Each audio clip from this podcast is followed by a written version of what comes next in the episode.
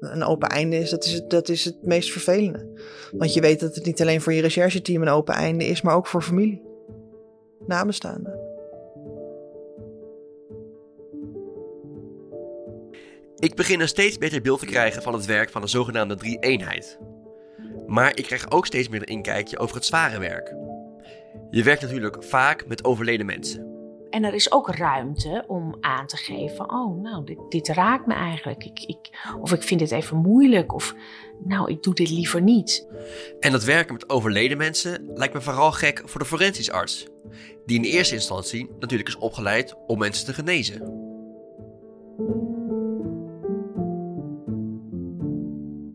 Dat is niet gek. Uh, het hoort er gewoon ook bij. Hè? Dus ik denk dat het heel belangrijk is dat een een overlijdensonderzoek uh, zorgvuldig plaatsvindt. Hè, er is natuurlijk A, een belang van waarheidsvinding hè, in het kader van het strafrecht. Want er kunnen natuurlijk uh, betrokkenen zijn geweest bij het overlijden. Dus dat is natuurlijk primair onze insteek als forensisch arts, dat wij hè, ook in dienst staan van het hele proces van waarheidsvinding en de rechtsgang en het strafrecht. Maar goed, daarnaast heb je natuurlijk in het werken ook contacten met nabestaanden. En uh, dat is weliswaar primair hè, een verantwoordelijkheid van de politie, van de recherche. Er worden soms ook hè, familieagenten aangesteld hè, bij bepaalde zaken. Dus die moeten natuurlijk echt het, uh, het langdurige contact doen. Maar rond het hele proces van de lijkschouw zelf komen wij ook in contact met nabestaanden. Dus verleen je ook een stukje zorg aan mensen als je uitleg geeft over een toedracht van overlijden. En eh, hoe gaat dan zoiets? Dan heb je contact met die familie en dan vertel je van nee, dit is er waarschijnlijk gebeurd of deze persoon heeft niet geleden of, of hoe? Ja, dat, zo werkt het natuurlijk heel vaak, met name bij de zelfdodingen hè, is dat nogal eens het geval. Hè, dus iemand wordt thuis aangetroffen door familie, hè, heeft zichzelf van het leven beroofd. Denk maar eens aan een uh, verhanging bijvoorbeeld. En uh, dan is er natuurlijk een enorme schrik altijd en, en groot verdriet hè, bij de directe nabestaanden. Het is natuurlijk niet van tevoren uh, heel duidelijk en concreet aangekondigd, ik ga het nu doen. Hè, dus vaak is er wel een vermoeden, maar uh, vaak is dat iets wat toch heel onverwachts komt. En dan kun je natuurlijk heel goed het gesprek aangaan, want de familie zit daar de, in de omgeving of in de woning soms. Het hangt een beetje van de situatie af. Soms worden ze ook wel weggestuurd. Dat, het is toch uh, iets waar je ook wel eens de kans voor hebt om dat gesprek te voeren. Nou, dat is niet altijd zo. Hè. Het is ook niet primair uh, mijn verantwoordelijkheid, maar ik, uh, ik neem die verantwoordelijkheid wel en ik ontloop het niet als, als ik de mensen tegenkom. Is dat nog heftig? Of niet als je met die mensen moet praten? Ja, het wordt natuurlijk altijd concreter. Ja, je krijgt natuurlijk altijd hè, veel meer mee van het gevoel wat daarbij is bij nabestaanden. Hè, van het, het lijden wat iemand uh, uh, had uh, te doorstaan. Dus je krijgt, je komt daar veel dichterbij te staan op dat moment. Ja. En dan wordt ook het, de persoon hè, die je hebt onderzocht, hè, die wordt ook een mens voor jou. Want ja, laten we wel wezen, je kent natuurlijk de persoon niet waar je mee te maken krijgt. Je hebt die persoon nooit ontmoet. En dat maakt natuurlijk ook dat je, dat je je werk wat beter kunt doen. Hè, dat je daardoor ook wat ja, beschermd wordt als het ware hè, voor alle emoties en gevoelens die erbij kunnen zijn. Maar goed, als je met mensen zelf gaat spreken die de persoon gekend hebben, ja, dan komt het allemaal veel dichterbij wat, iemand, wat voor iemand het was. Um, Maaike, jullie praten juist wel met de nabestaanden als tactische recherche. Ja. En zien dus veel meer die emotie. En dat lijkt mij dan het lastigste stukje van het werk dat, dat is maar net hoe, hoe je als mens bent. Want de een vindt het juist heel fijn om contact te hebben met de familie. De ander vindt het weer heel fijn om het onderzoek bij het lichaam te doen. Omdat ze dat weer beter aankunnen. Het is een beetje aanvoelen. Je meerdere types op een team. En dat maakt één groot geheel. Wat voor type ben jij dan? Ik kan het beide. Alleen ik vind het, het echte onderzoeken vind ik leuker. Uh, en het contact met de familie, ja, natuurlijk, dat doe je. Want dat is, dat is belangrijk en nodig. Maar het is niet mijn allerfijnste ding. Want er, er komen zoveel emoties bij kijken. Ja. En ik vaker slecht nieuws gebracht. En de ene die, die is heel verdrietig. En de ander is helemaal perplex. En de ander zegt yes. Dat je denkt, oh, nou, dat kan natuurlijk ook. Um, dus het is, het is vaak wel een achtbaan van emoties. Ja, dus dat verdeel, ja, we verdelen dat ook een beetje. binnen het team. Ja, we hebben bijvoorbeeld, uh, dat heet oproepdienst Piket. En dat hebben we echt om de dag heeft iemand anders dat. Dus, er, dus om ervoor te zorgen dat iedereen een beetje dezelfde belasting krijgt. En niet eentje uh, twintig onderzoeken heeft en de andere maar twee. Dus het is fijn om het zo met z'n allen te kunnen doen. Zodat je echt een beetje de lasten verdeelt. Ik denk dat je dit werk ook alleen maar kan doen als je het echt leuk vindt. En als je echt, uh, echt daarvoor uh, ja, gemaakt bent, weet niet of je dat zo kan zeggen. Maar het, ik vind het echt heel leuk. Ik ga al 15 jaar met plezier naar mijn werk. Ik vind elke zaak leuk. Het is niet leuk, want het leed wat er gebeurt is natuurlijk niet leuk. Alleen het geeft mij heel veel energie om bijvoorbeeld uiteindelijk aan de familie te kunnen vertellen van zo zit het. Kijk eens, dit hebben we ontdekt. Duidelijkheid geven aan het einde van het verhaal. Van joh, kijk, dit, dit is wat er naar voren is gekomen. En dan is het ook wel soms heel vervelend als, dat, als je er niet achter kan komen. Of als er niet genoeg informatie is. Of iemand beroept zich bijvoorbeeld volledig op zijn zwijgrecht. En je kan het net niet dat linkje leggen. Dat zijn dan wel zaken waarvan je denkt, verdorie. Waarom, waarom, dat hebben we nog nodig. En dan ga je met een heel team bij elkaar zitten.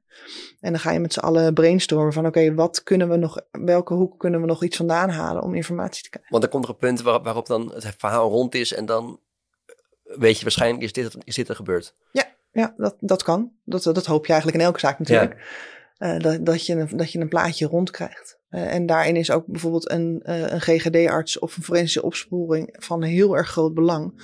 Want de expertise die zij hebben, die hebben wij weer niet.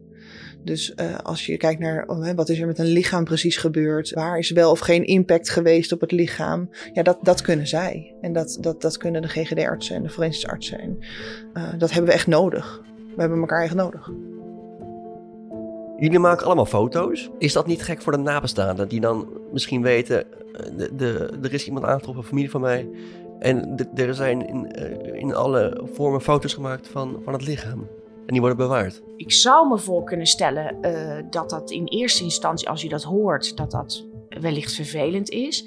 Maar als je daar de uitleg bij kan geven dat wij onderzoek doen of iemand wel op een natuurlijke wijze is overleden, dan is er eigenlijk altijd begrip. Het is ook onderdeel van ons werk, maar uh, je kan het ook uitleggen aan nabestaanden. Wij doen dat altijd op een respectvolle manier. Uh, dek je iemand later ook altijd netjes toe. Dus je kan dat ook uitleggen waarom je dat doet.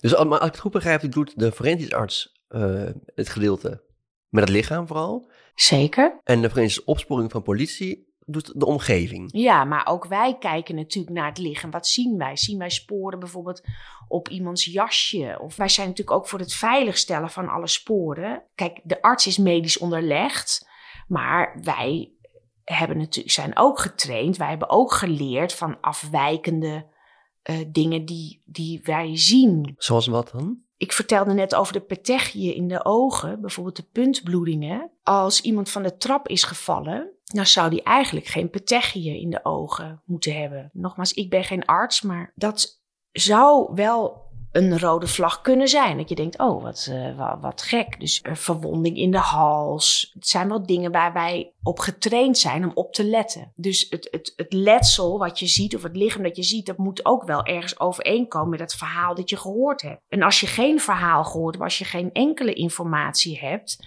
ja, dan ga je dus heel goed kijken naar een lichaam. Wat zie ik?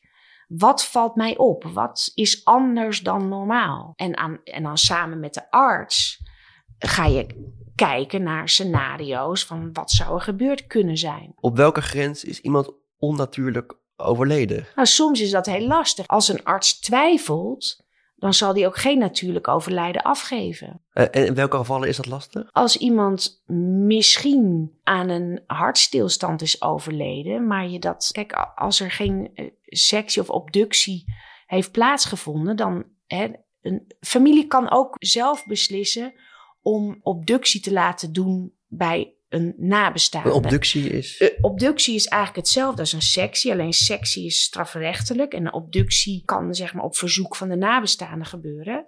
Ik zou me zo voor kunnen stellen dat je heel graag wil weten wat er met je dierbare is gebeurd. Hè? Heeft diegene een hartstilstand gehad of een hersenbloeding of wat is er gebeurd? Maar er zijn ook wel gevallen dat je het gewoon ja, niet goed kan bepalen. Want onlangs iemand was dood aangetroffen in een auto. Er was aan het lichaam eigenlijk niet heel veel te zien, maar er was nog wel een redelijk jong iemand. Ja, waar is iemand dan aan overleden? Dat is, bleek later wel dat hij wel uh, medische klachten al had, dus een medische geschiedenis.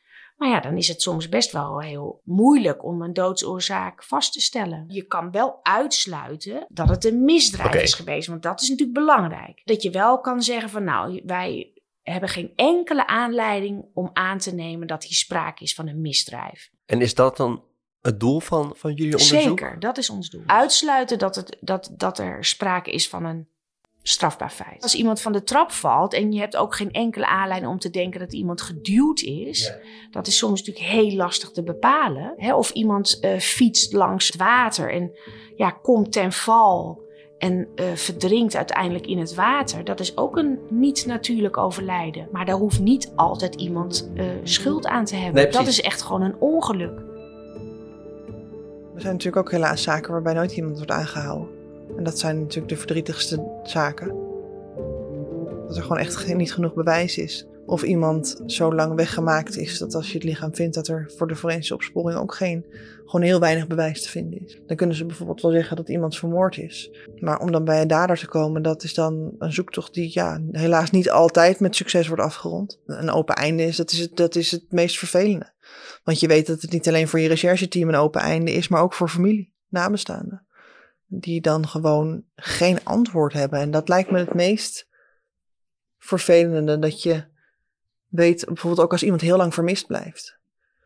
Dat je gewoon niet weet, niets weet. En dat, dat is, ja, als wij dan ook niks kunnen, dat is dan wel jammer. Maar hoe gaat zo'n gesprek dan met, met, met de nabestaanden of familieleden? Dat je dan zegt, ja, ga er maar vanuit dat, dat we er nooit achterkomen? Of... Nou ja, ik heb gelukkig zelf nog nooit zo'n gesprek hoeven voeren. Maar ik kan me zo bedenken dat je dan gewoon wel vertelt hoe het zit. Want uh, valse beloftes doen of zeggen dat het wel goed komt, dat is iets wat wij al heel snel afleren in ons vak. In principe is het enige wat je gewoon zegt van we gaan keihard ons best doen om ervoor te zorgen dat we zoveel mogelijk informatie verzamelen. En proberen uh, iemand te vinden die er verantwoordelijk voor is. Heb je dan op je bureau een, een stapel uh, zaken liggen die, die, die, nog niet zijn afgerond? En je zegt, nou ja, als we nog meer informatie krijgen, dan gaan we daarmee verder? Daar zitten we, hebben een, een mappenkast inderdaad. En daar, staan, daar staan wel zaken tussen inderdaad. Die echt wachten op, uh, op een DNA-match bijvoorbeeld. Of een, uh, een onderzoek of een verhoor of iets wat nog... Nou ja, losse eindjes. Ja. Zeker. Soms komt hij ineens en soms komt het ook niet. En dan gaat hij naar de admi. En dan blijft zo'n zaak wel bij ons altijd bekend. Het gebeurt wel eens dat bijvoorbeeld iemand op zijn uh, overlijden ineens iets roept. Of uh, er een keertje uh, iemand een telefoon vindt. Weet je, de gekke dingen. Er komt ineens uit een hoek weer informatie en je denkt, oh, nou, dit kan wel eens heel interessant zijn. En dan wordt het hele circus opgetrommeld ja. en dan gaat die map eruit. uit de kast en dan uh, komt alles weer op, op gang, ja.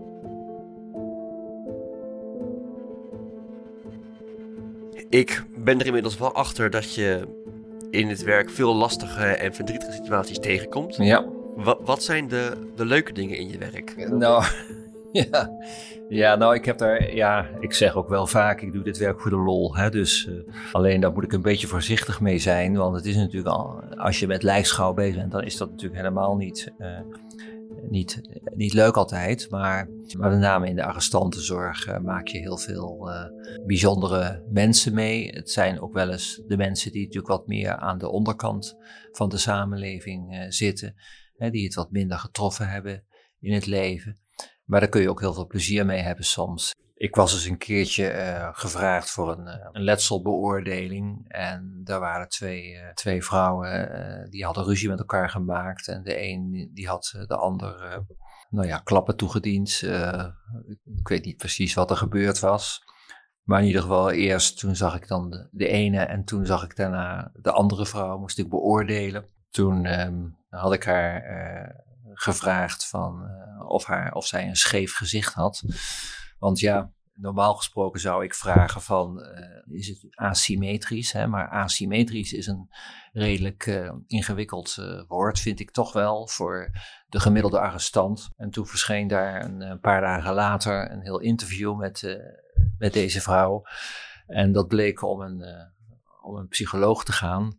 En uh, nou ja, het was gewoon iemand die toch hoog opgeleid was. Dus ik, uh, en die klaagde over van alles en ook over mij uh, in dat interview. Dus ik heb dat natuurlijk ook bewaard. Nou ja, goed, je, hebt, je weet dus niet altijd wat voor mensen je voor je hebt. En Uh, dan denk je van, ik moet hier maar eenvoudige woorden gebruiken die ze snappen. En dan heb je opeens toch te maken met uh, een hoogopgeleid iemand. Ja, je verwacht natuurlijk ook niet van een psycholoog dat ze de buurvrouwen uh, te lijf gaat en aan de haren gaat trekken en weet ik wat allemaal doet. dus dat was ook een beetje vreemd voor een psycholoog. Maar goed, ja, dat soort mensen kom je dus ook wel eens tegen in een cel. Ja. Ik heb smakelijk gelachen om het, om het krantenartikel, moet ik zeggen. Ik heb het ook bewaard natuurlijk. Dus ja.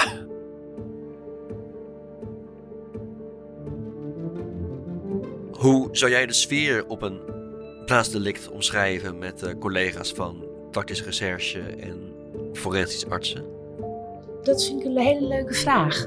Het is natuurlijk heel serieus, want je gaat met een heel. Hè, je, je, iedereen is heel professioneel. Dat valt mij iedere keer weer op. Dat vind ik ook heel mooi om te zien. Kijk, je doet het met elkaar. Je hebt uh, hetzelfde doel. En ieder komt met zijn eigen expertise. Uh, je wisselt informatie uit. Ik persoonlijk vind dat heel leuk om hup, weer nieuwe mensen, nieuwe collega's, want dat zijn er zoveel. Of weer met leuk een arts waar je vorige keer ook leuk mee hebt samengewerkt. Over het algemeen kan je zeggen dat de sfeer heel professioneel is, maar er is zeker ook ruimte voor wat luchtigheid. En dat voel je vaak zelf al aan. Uh, en dat moet ook, want nou ja, je moet soms ook wat luchtigheid erin brengen. Zonder trouwens oog te verliezen voor de omgeving. Uh, je gaat geen grappen en grollen maken waar zeg maar nabestaanden op drie meter afstand zouden staan. Ik geef maar een voorbeeld. Maar, uh, dus je bent je heel bewust van de omgeving, maar binnen die, dat kleine kringetje waarmee je onderzoek doet, ja, is er ook een, zijn er ook gesprekken van, god, ben je al met vakantie geweest? Ja, het is ook je werk. Dus, ja. uh, en op kantoor praat je ook gezellig met je collega. Dus dat gebeurt ook. Maar je bent ook heel professioneel. En over het algemeen ga je eerst je onderzoek doen. En op het moment dat je dat misschien een beetje aan het afronden bent, dan komt er ook wat ruimte en wat lucht voor wat andere dingen. Ja, ik vind het inderdaad wel gezellig. En uh, ik maak daar inderdaad wel eens uh, grappen bij. En dan denk ik, ik moet mezelf wel een beetje inhouden. Want uh, ik ben ook een beetje ouder. Dus dan moet je een beetje voorzichtiger worden ook. Maar goed, ik heb die neiging, heb, ik, heb ik eerlijk gezegd wel enigszins, ja. En dat is ook de manier om het natuurlijk vol te houden met elkaar. Is dat een manier om daarmee om te gaan? Ja, je moet ook af en toe eens even, even, even lachen met elkaar. Hè?